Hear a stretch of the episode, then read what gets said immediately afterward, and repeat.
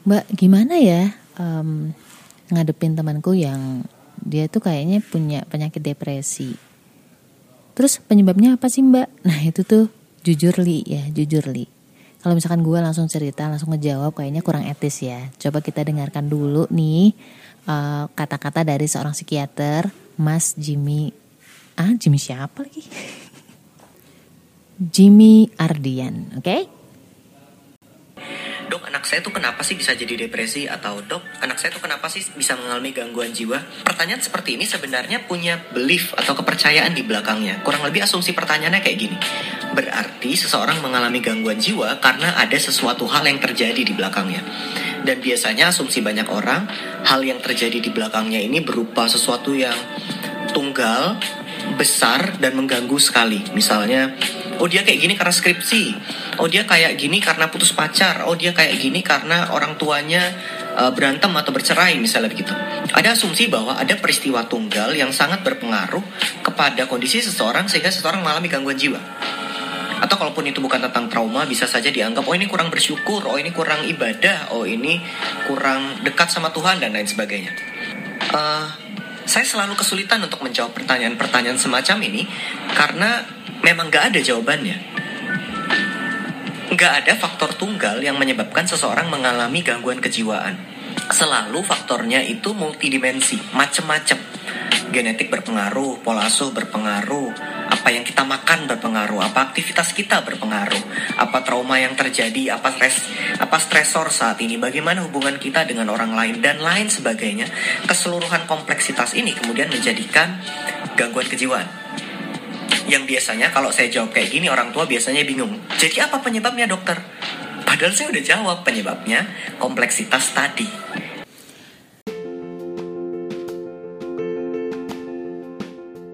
Assalamualaikum warahmatullahi wabarakatuh. Hai, ini Ria. Kamu lagi ada di podcast Self Healing, podcastmu yang sedang belajar berdamai dengan luka melalui psikologi Islam.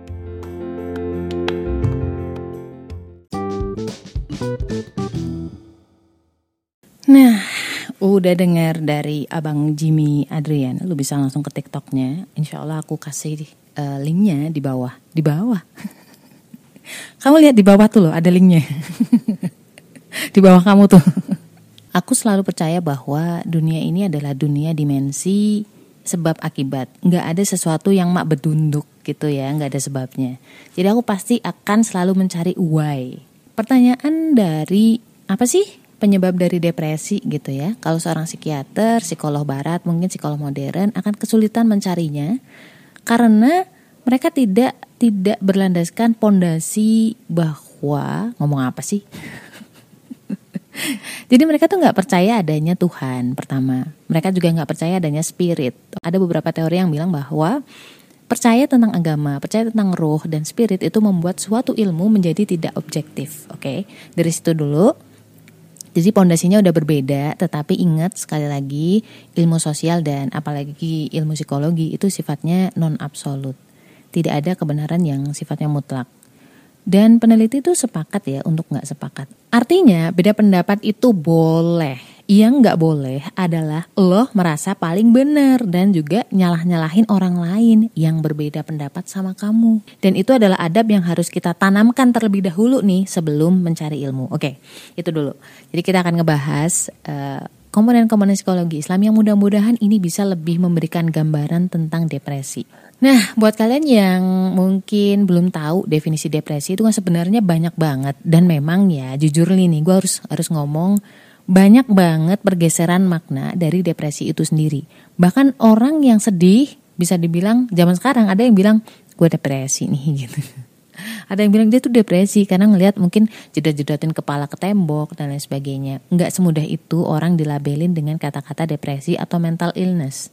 Dan ini diakui oleh para psikolog juga ada banyak definisi-definisi yang bergeser satu sama lain, satu sama lain, bergeser dari definisi awal. Jadi depresi itu bukan hanya perasaan sedih, tetapi gangguan dalam spirit lo atau kejiwaan lo atau perasaan lo yang sampai mengganggu kemampuan kognisi kamu, kemampuan untuk membedakan mana yang baik, mana yang nggak baik. Aku setuju dengan pendapat tadi bahwa tidak ada penyebab tunggal dari depresi karena itu beda depresi beda dengan perasaan sedih, perasaan kalut, stres itu beda ya. Kita akan ngomongin komponen psikologi Islam dulu sebelum terjun ke kesimpulan atau jawaban dari apa sih penyebab depresi itu. Jadi bayangin di handphone itu kan ada beberapa komponen. Yang paling penting adalah baterai. Selain baterai ada juga wujudnya, ada hardware, ada software bawaan. Kemudian di situ tuh ada instalasi like YouTube, uh, Google dan juga lain sebagainya. Kalau misalkan makhluk hidup, let's say manusia, itu yang bikin hidup adalah roh, spirit, nyawa.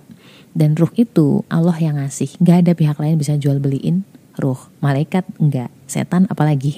Bahkan Allah menantang manusia untuk membuat lalat yang bernyawa. Tapi sampai sekarang nyatanya nggak ada. Secanggih apa pun robot yang bikin mereka hidup adalah baterai, bukan nyawa. Baterai ini kan sebenarnya mengalirkan daya. Kalau misalkan supply powernya nggak baik atau nggak lancar, maka fungsi-fungsi di dalamnya pun nggak akan benar. Begitu juga dengan manusia. Ketika misalkan ruhnya itu nggak lancar, ruhnya nggak lancar, ruhnya nggak tenang, maka banyak fitur-fitur di dalamnya itu nggak berfungsi dengan benar.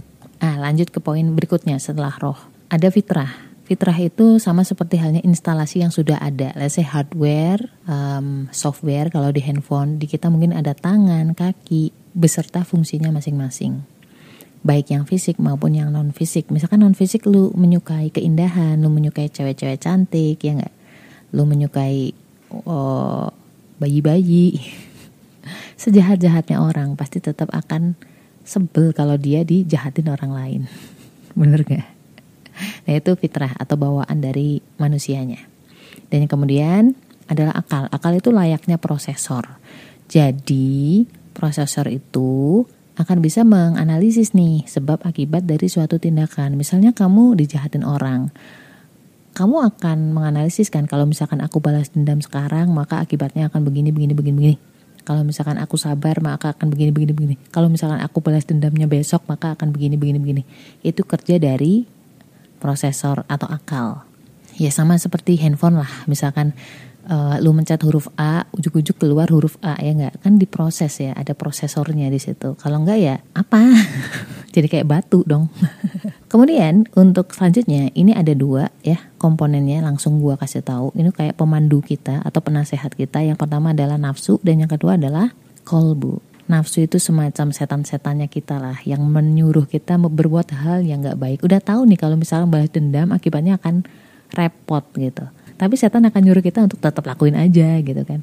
Kalau misalkan kolbu itu dia akan menyuruh kita berbuat yang baik sabar dan bisa mendekatkan diri kita ke Allah. Dari kelima ini itu dikembalikan lagi di komponen yang terakhir yaitu pilihan. Jadi manusia itu punya yang namanya pilihan hidup atau kehendak dan nantinya pilihan hidup inilah yang akan dipertanggungjawabkan di hadapan Allah. Yang membedakan kita dari benda mati yaitu pilihan hidup. Itu namanya free will, oke? Okay? Udah, udah pusing? Kalau misalnya sedih, stres, ada penyebab tunggalnya. Misalkan kayak lu kehilangan sahabat, lu kehilangan pasangan, lu kehilangan orang tua, mereka meninggal. Jadi depresi ini menurut salah satu teori adalah gangguan jiwa atau perasaan yang itu tuh berlangsung lama, nggak cuma sebentar dan nggak berlangsung tiba-tiba mak betunduk gitu kadang-kadang memutuskan hal-hal yang di luar nalar logika, misalkan kayak bunuh diri gitu ya, melukai diri sendiri. Karena memang tadi pengenalan bahwa ini baik dan benar itu aja udah keliru, kurang tepat gitu. Apalagi dengan tindakannya. Trigger sedikit aja bisa menimbulkan mereka uh, memutuskan untuk mengakhiri hidup kayak vokalisnya Linkin Park, si Chester itu sebelum-sebelumnya nggak ada masalah. Orang di sekelilingnya nggak tahu loh. Karena dia cengar-cengir aja selfie selfie sama kelilingnya. Walaupun gue tahu ketika ngeliat fotonya itu kayak senyumnya itu bukan senyum yang plong gitu loh. Tapi kita nggak bisa nyalahin oh ini pasti uh, dia diperlakukan nggak baik dari keluarganya. Oh nggak bisa kayak gitu cuy. Nggak bisa. Misalkan kalau di rumah tuh gue pernah dayanya kurang itu lampu kelap kelip ya nggak? Tidak berfungsi dengan semestinya. AC juga mati nyala mati nyala nggak dingin sama juga dengan handphone, ketika supply dayanya itu nggak cukup atau terganggu, pasti banyak fitur-fitur yang nggak berfungsi dengan semestinya. Ketika lo mencet YouTube, error gitu. Jadi kalau dalam psikologi Islam, depresi itu lebih cenderung ke ruhnya yang diserang ya, ketenangan hidupnya. Kalau orang nggak tenang, itu kan nggak bisa mikir secara jernih, bener nggak? Kalau misalkan lo pernah tahu dengar ceritanya ada bapak-bapak malam-malam dini hari jam setengah tiga ditelepon sama seseorang Dia bilang kalau anaknya si bapak ini tuh kecelakaan dan sekarang udah di rumah sakit, tapi di rumah sakit butuh duit untuk deposit. Akhirnya si orang ini minta di transfer sejumlah du sejumlah duit gitu, sejumlah dana. Dan si bapak ini dengan serta merta tanpa cross recheck dulu langsung transfer. Udah jam setengah tiga, kondisi panik, kondisi nggak tenang, baru bangun tidur. Kalau orang Jawa tuh bilangnya rohnya belum kumpul gitu main transfer. Mungkin kalau di posisi kita, kita akan dengan entengnya bilang, ya Allah pak, harusnya kan dicek dulu ke anaknya, telepon dulu ke anaknya, telepon dulu ke pihak rumah sakit. You know what? Itu komen yang paling nyebelin tau gak? Ngebantu enggak? kita nggak pernah di posisi bapaknya cuy. Bapaknya kalau udah tenang juga bisa mikir kayak gitu. Sama juga dengan kita, kadang-kadang ngomentarin orang yang depresi itu, alah lu kurang bersyukur, alah lu kurang dekat sama Allah ya lu nggak pernah jadi dia. Itu berat banget tau rasanya. Berat sedih stres yang apa ya ada perasaan berat di kepala lo ada perasaan yang berat di hati lo di dada lo tapi lu bahkan nggak tahu penyebabnya apaan gitu. Bahkan ada yang sampai mengganggu kekuatan fisik mereka. Kayak powerless gitu nggak ada kekuatannya. Jangan salah dan semoga jangan sampai inilah jangan sampai apa diuji dengan depresi kayak gitu. Makanya hati-hati kalau komen. Karena kadang-kadang kita diuji atas apa yang kita komenin loh. Jadi di ilmu psikologi Islam inilah gue paham sebabnya. Karena sebenarnya layaknya kita punya sumber wifi, handphone kita itu jauh dari sumber wifi, ya kita akan sulit browsing, bener gak? Lama, lemot. Nah harusnya kita tuh lebih dekat dengan sumber wifi. Itu aja dulu, tenangin dulu hati lo dengan mendekati Allah.